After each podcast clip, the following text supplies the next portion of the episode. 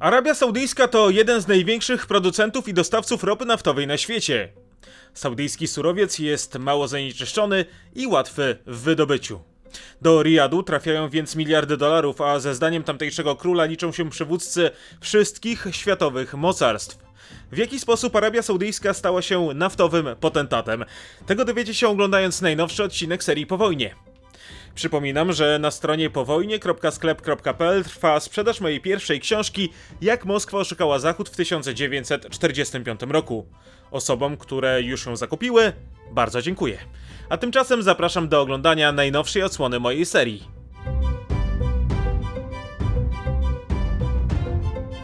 Zanim jednak przejdę do okresu powojennego, najpierw muszę nawiązać do czasów przed II wojną światową. To właśnie wtedy na Bliskim Wschodzie zostały odkryte duże złoża ropy naftowej. Na początku XX wieku plemienny wódz i przywódca religijny Wahabitów Ibn Saud przejął kontrolę nad Riyadem. Zdobycie ważnego dla regionu miasta było jedynie początkiem jego kolejnych podbojów. W następnych latach jego ludzie zajęli sąsiednie księstwa Półwyspu Arabskiego. Do 1932 roku pod jego rządami znalazło się większość terenów leżących między Morzem Czerwonym a Zatoką Perską. W tym samym roku Ibn Saud ogłosił powstanie Arabii Saudyjskiej i został jej pierwszym królem.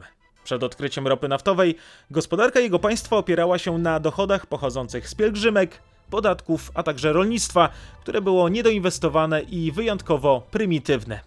Brakowało opieki medycznej, panowało ubóstwo i analfabetyzm. Tymczasem Mekkę odwiedzało co roku 100 tysięcy pielgrzymów. Był to czysty zysk. Przyjezdni przywozili ze sobą różne towary, które potem sprzedawali, aby pokryć koszty podróży. Opłacane przez nich cło było ważnym źródłem dochodów saudyjskiego władcy ale przychody znacznie się skurczyły wraz z nadejściem wielkiego kryzysu na początku lat 30. XX wieku. Coraz mniej osób było stać na podróż do świętego miejsca muzułmanów. W 1931 roku liczba pielgrzymów spadła do 40 tysięcy, co skutkowało podniesieniem podatków na terenach kontrolowanych przez saudyjskiego króla.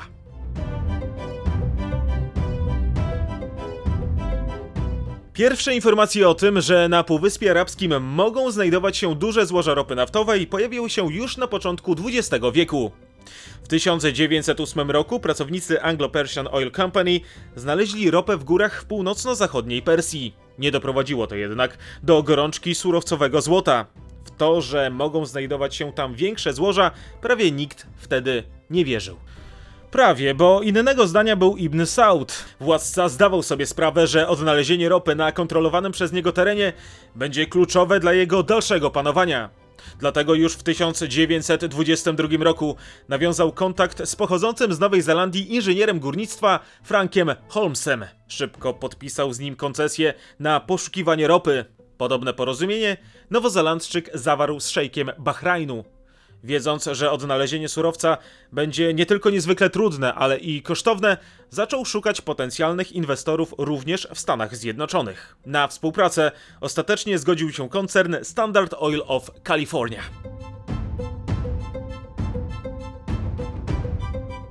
Przełom nastąpił w 1932 roku, gdy w Bahrajnie odnaleziono zostały duże złoża ropy naftowej. Od tego momentu stało się jasne, że spore złoża surowca mogą znajdować się również na terenie sąsiedniego państwa. Dlatego już w kolejnym roku w Dżudzie w Arabii Saudyjskiej jej władca rozpoczął negocjacje z amerykańską firmą w sprawie koncesji na wydobycie ropy.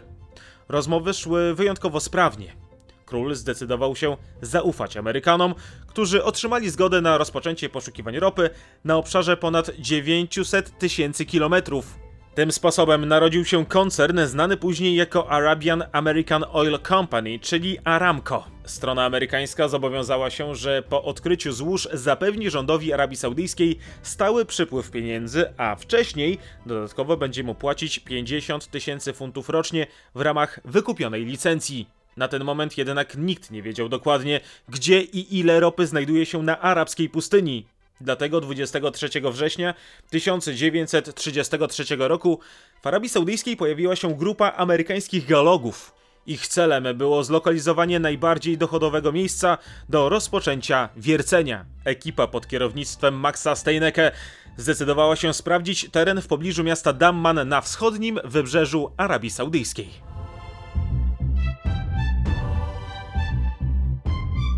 Początkowo nie wyglądało to dobrze, aż do 1936 roku żaden z odwiertów testowych nie wykazał obecności ropy w ilościach handlowych.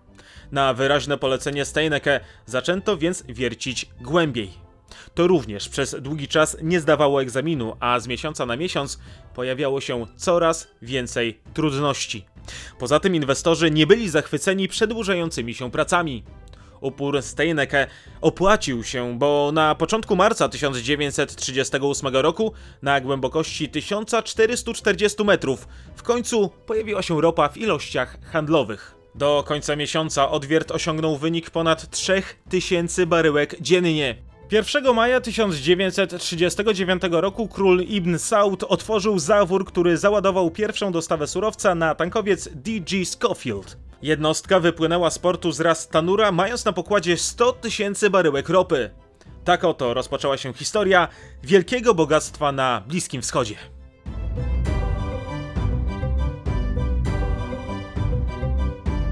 Król, chcąc zwiększyć swoje zyski, w 1939 roku renegocjował umowę koncesyjną. Amerykanie zgodzili się na wyższe opłaty, w zamian otrzymując zgodę na prowadzenie poszukiwań ropy na większym obszarze bliskowschodniego państwa. Okres ważności koncesji został wydłużony aż do końca XX wieku.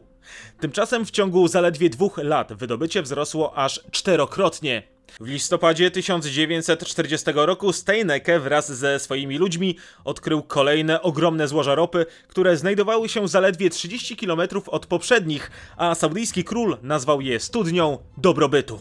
Dla Arabii Saudyjskiej dochody z wydobycia i eksportu ropy stały się źródłem bogactwa. Rząd w Riyadzie, zdając sobie sprawę z naftowej żyły złota, w 1950 roku ponownie zmienił warunki udzielonej koncesji. I choć rozmowy nie były łatwe, amerykański konglomerat ostatecznie zgodził się na równy podział zysków. Nowe przepisy wprowadziły podatek od każdej baryłki wyprodukowanej ropy, co znacznie zwiększało dochody rządu. Po II wojnie światowej stale rosło zapotrzebowanie na ropę. Aby zwiększyć zyski, osoby związane z Aramco zaczęły zastanawiać się, jak dostarczać ją szybciej. Dotychczasowe rozwiązanie nie było satysfakcjonujące. Surowiec transportowany był tankowcami, a trasa wiodła przez Zatokę Perską, Ocean Indyjski, Morze Czerwone i kanał Suezki. To było ponad 3000 km, a podróż zajmowała prawie dwa tygodnie. Dodatkowo taki transport wiązał się z dodatkowymi kosztami, ponieważ za przepłynięcie kanału Suezkiego pobierana była opłata tranzytowa w wysokości 18 centów od każdej baryłki ropy. Z tego powodu w 1945 roku zaczęła działać transarabska kompania rurociągowa. Firma całkowicie zależna od Aramco. Już w 1947 roku rozpoczęła się budowa rurociągu, który miał połączyć Al-Kusuma w Arabii Saudyjskiej i Haifę w Palestynie. Jednak w związku z powstaniem państwa Izrael i niechęci do niego Arabów zdecydowano, że rurociąg będzie się kończył w porcie Sydon w Libanie. Na miejscu miał się znajdować terminal załadunkowy dla tankowców o przepustowości do 39 tysięcy baryłek na godzinę. Miał to być najdłuższy rurociąg w historii świata. Miał mieć długość ponad 1700 kilometrów.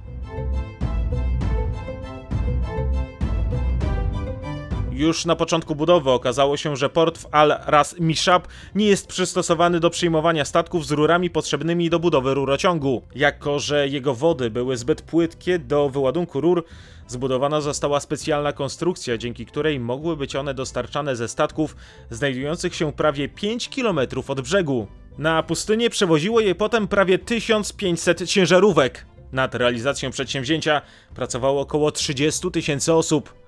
Początkowo rurociąg miał przepustowość do 320 tysięcy baryłek dziennie. W połowie lat 70. wzrosła ona do 480 tysięcy. W kolejnych latach linia była kilkakrotnie uszkadzana i wyłączana z użytku. Szczególnie często miało to miejsce po 1970 roku, gdy na Bliskim Wschodzie dochodziło do wielu wojen i konfliktów. Kłopoty z terminowymi dostawami i mniejsze koszty transportu supertankowcami doprowadziły do sytuacji, że coraz częściej ropa zaczęła być dostarczana drogą morską. Rurociąg działał przez 32 lata. Został zamknięty w 1983 roku. Produkcja ropy w Arabii Saudyjskiej, która przed 1944 rokiem wynosiła około 20 tysięcy baryłek dziennie, gwałtownie wzrosła po zakończeniu się II wojny światowej. W 1949 roku arabskie państwo wydobywało do pół miliona baryłek każdego dnia. Dzięki temu od 1946 do 1950 roku przychody arabskiego państwa wzrosły z 10 milionów dolarów do 57 milionów dolarów, podczas gdy nic nie wskazywało na to, że ten trend miałby się jakkolwiek odwrócić w kolejnych latach. I tak też było. Przez następnych 20 lat wzrost produkcji ropy w Arabii Saudyjskiej wynosił około 9% rocznie. Saudom sprzyjała fortuna. W 1951 roku pracownicy Aramco odkryli największe na świecie pole naftowe na morzu, a już 6 lat później seria odwiertów i badań potwierdziła to, czego wiele osób się spodziewało. Okazało się, że pole naftowe Gawar jest największym złożem ropy naftowej, jakie kiedykolwiek odkryto. Saudyjski król mógł więc zacierać ręce. W międzyczasie zlecał budowę kolejnych pałaców, w których oprócz niego mieszkali też jego synowie z rodzinami. Stolica Riyad zmieniała się w błyskawicznym tempie. Miasto stało się jednym wielkim placem budowy. Pieniędzy na ten cel nie brakowało, bo tylko w 1954 roku przychody Arabii Saudyjskiej wyniosły około 340 milionów dolarów. Równocześnie siedziba firmy Aramco została przeniesiona z Nowego Jorku do Dahranu na Bliskim Wschodzie.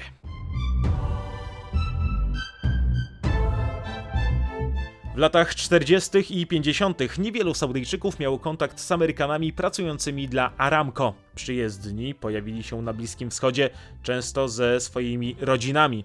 Dlatego w Dahranie powstało specjalne miasteczko dla obcokrajowców. Mogli oni stamtąd wysyłać listy, a także korzystać z różnych usług. Znajdowały się tam salony piękności, sklepy spożywcze oraz inne niedostępne dla zwyczajnych obywateli Arabii Saudyjskiej miejsca rozrywek. Amerykanie zajmowali się kluczowymi rzeczami związanymi z naftowym przedsięwzięciem. Jednocześnie prowadzone przez nich inwestycje przyciągały robotników z całego Bliskiego Wschodu. Beduini szukali pracy przy wierceniu, pracach budowlanych oraz w transporcie.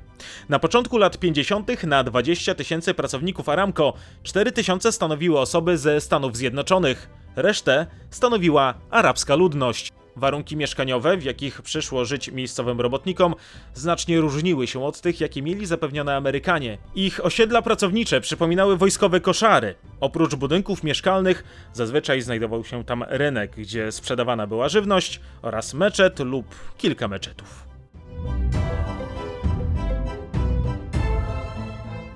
Nie wszyscy zgadzali się na takie warunki życia.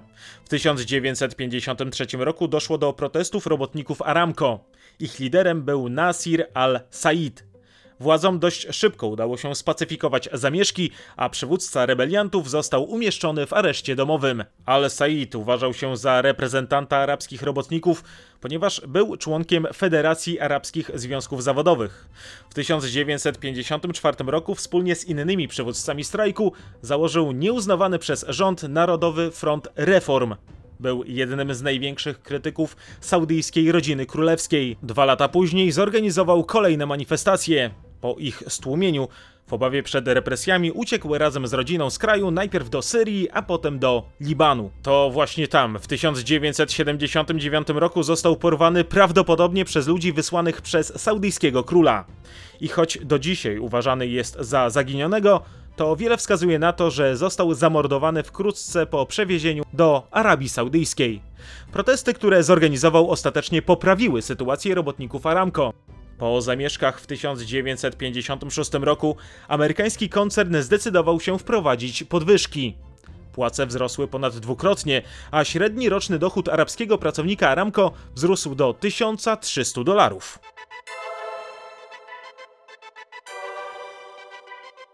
To amerykańskie pieniądze zbudowały całą infrastrukturę związaną z wydobyciem ropy w Arabii Saudyjskiej. Amerykanie byli odpowiedzialni m.in. za budowę odpowiednich portów do obsługi tego przedsięwzięcia. Aramco zajęło się też infrastrukturą związaną z dostawami wody do miejsc pracy. Dolary sfinansowały budowę mieszkań, szpitali i biur dla tysięcy pracowników. Nie było to łatwe, bo na miejscu nie było prawie żadnych lokalnych firm budowlanych. W regionach, gdzie znajdowały się złoża, Aramco zakładało też lotniska. Poza tym na amerykańskich barkach spoczywało wyszkolenie personelu. Aramco stworzyło specjalne programy szkoleniowe obejmujące naukę na zagranicznych uniwersytetach. Błyskawicznie pojawiło się zapotrzebowanie na specjalistów z różnych dziedzin. Brakowało nie tylko lekarzy oraz mechaników, ale nawet kucharzy i kierowców ciężarówek. Z czasem udział Amerykanów w ogromnym koncernie zaczął się zmniejszać. Do 1980 roku z około 38 tysięcy pracowników Aramco, aż 22 tysiące było Saudyjczykami. Zaledwie 3000 osób miało amerykański paszport. Resztę stanowili ludzie pochodzący z innych krajów. Poza tym prawie połowę stanowisk kierowniczych i nadzorczych na początku lat 80. zajmowali Saudyjczycy. W 1984 roku Ali Al-Naimi został pierwszym saudyjskim prezesem Aramco. Wraz ze wzrostem popytu na ropę, a co się z tym wiąże również i większymi zyskami, władze w Arabii Saudyjskiej stały się bardziej ostrożne w stosunku do istniejących umów z zachodnimi koncernami naftowymi. Już w latach 50. król Ibn Saud wielokrotnie podkreślał swoje niezadowolenie z faktu, że Aramco zarabia więcej niż jego kraj. Aby odwrócić ten trend, Arabia Saudyjska wspólnie z innymi krajami takimi jak Iran, Irak, Kuwait i Wenezuela zdecydowało się założyć 14 września 1960 roku w Bagdadzie OPEC, czyli Organizację Krajów Eksportujących Ropę Naftową. Dzięki temu państwa, na terenie których znajdował się cenny surowiec, były w stanie skuteczniej negocjować warunki zawartych kontraktów, zmieniając wysokość opłat licencyjnych, a także korzystnie dzielić podział zysków z zachodnimi koncernami naftowymi.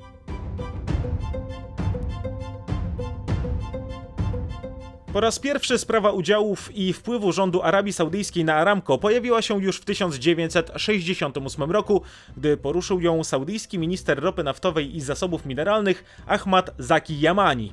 Od tego czasu rozpoczęły się rozmowy z Amerykanami na temat zmian w potężnym koncernie. Efektem wieloletnich rozmów były decyzje, jakie zapadły w pierwszej połowie lat 70. Już w grudniu 1972 roku saudyjski rząd wykupił 25% udziałów w firmie Aramco. Sytuacja była dynamiczna, bo już rok później doszło do kolejnego arabsko-izraelskiego konfliktu znanego jako wojna Jom Kippur. Stany Zjednoczone wspierały w niej Izrael, co rozgniewało saudyjskiego króla, który namówił pozostałe kraje członkowskie OPEC do podniesienia cen ropy naftowej dla krajów zachodnich. Władca podjął też decyzję o znacjonalizowaniu większej części Aramco.